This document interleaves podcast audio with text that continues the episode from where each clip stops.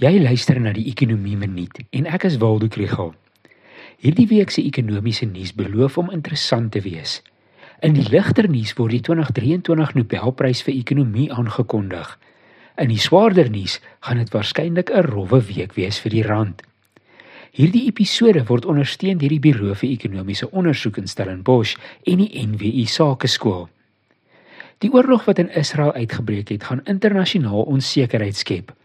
Wat in die Gaza-strook gebeur, het nie veel korttermyn gevolge vir handel of beleggings nie, maar dit maak markte skrikkerig.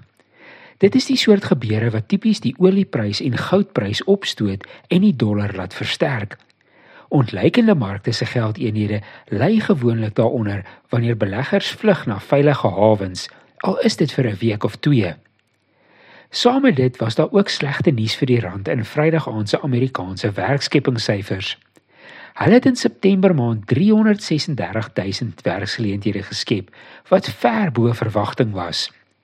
Dit beteken dat hulle ekonomie steeds te warm loop, dat daar te veel druk op lone en pryse is. Die kans dat die Fed in November weer rentekoerse gaan verhoog is nou groter en dit laat die dollar versterk en die rand verswak. Laaste het die week ook September maand se produksiedata in die vervaardigings- en mynbousektore.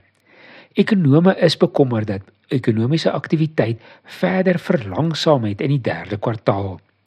Bly ingeskakel vir hierdie en ander stories hierdie week.